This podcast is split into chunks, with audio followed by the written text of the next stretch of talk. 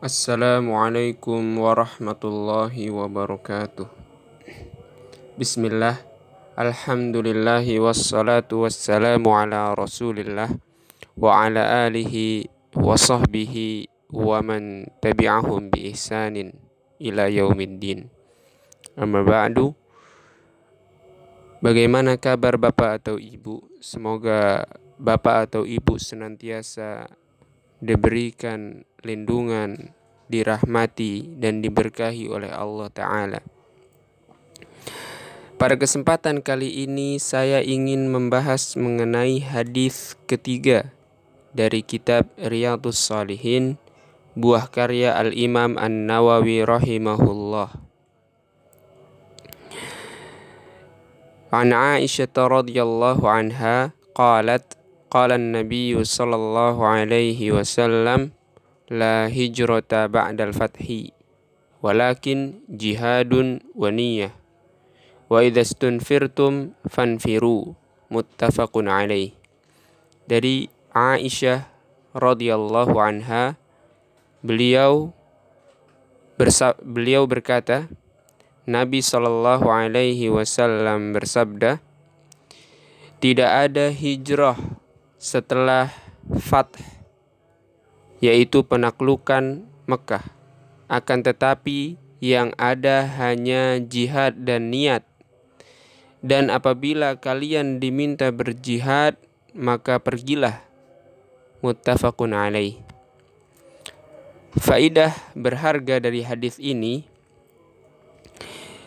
yang pertama yaitu kewajiban hijrah dari Mekah ke Madinah telah dihapuskan karena Mekah telah menjadi negeri Islam dan hukum yang terjadi pada Mekah dalam hal itu juga berlaku bagi negeri selainnya apabila telah ditaklukkan oleh kaum muslimin. Kemudian faidah yang kedua, hadis ini adalah sebagai kabar gembira dari Nabi Sallallahu Alaihi Wasallam bahwa Mekah akan tetap menjadi negeri Islam selamanya.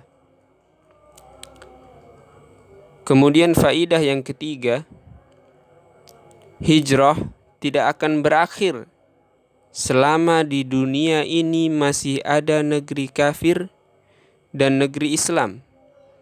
Adapun yang dimaksud dengan negeri Islam adalah negeri yang tegak syiar-syiar Islam di dalamnya, seperti azan, salat jamaah, salat Idul Fitri dan Idul Adha, salat Jumat, dan selainnya. Barang siapa yang berada di negeri kafir dan ia memiliki kesanggupan untuk keluar menuju negeri Islam, maka hijrah baginya adalah wajib. Adapun orang yang lemah, yang tidak memiliki kesanggupan, baik laki-laki dewasa, wanita-wanita, ataupun anak-anak, maka mereka diberikan keringanan.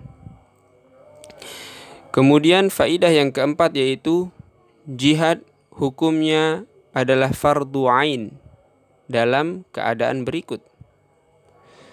Yang pertama, keadaan yang pertama apabila diperintah oleh pemimpin. Ya. Apabila diperintah oleh pemimpin yang sah. Dalilnya adalah hadis ini. Wa idzastunfirtum fanfiru.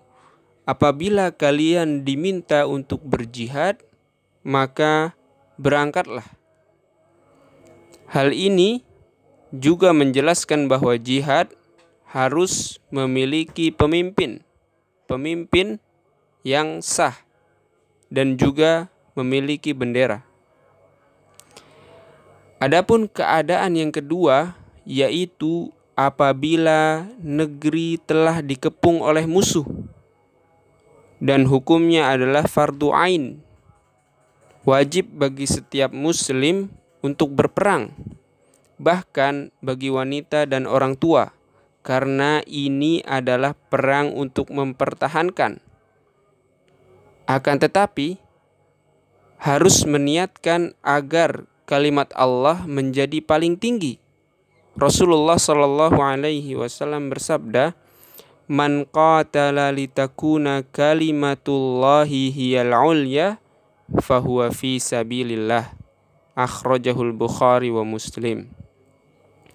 Barang siapa yang berperang agar kalimat Allah menjadi tinggi, maka dia sedang berjihad di jalan Allah Hadis riwayat Al-Imam Al-Bukhari dan Al-Imam Muslim.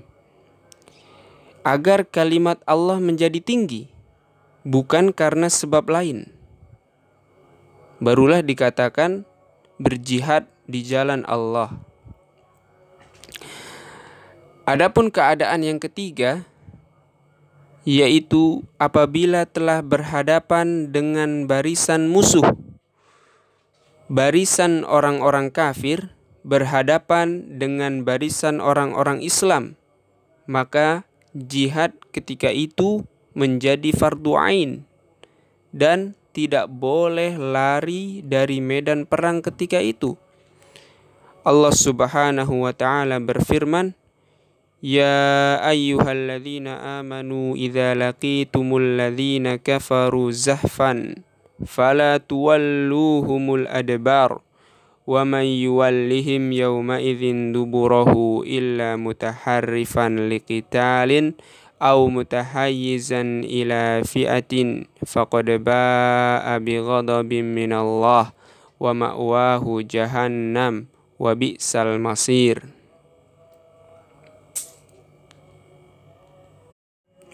Wahai orang-orang yang beriman, Apabila kamu bertemu dengan orang-orang kafir yang akan menyerangmu, maka janganlah kamu berbalik membelakangi mereka atau mundur.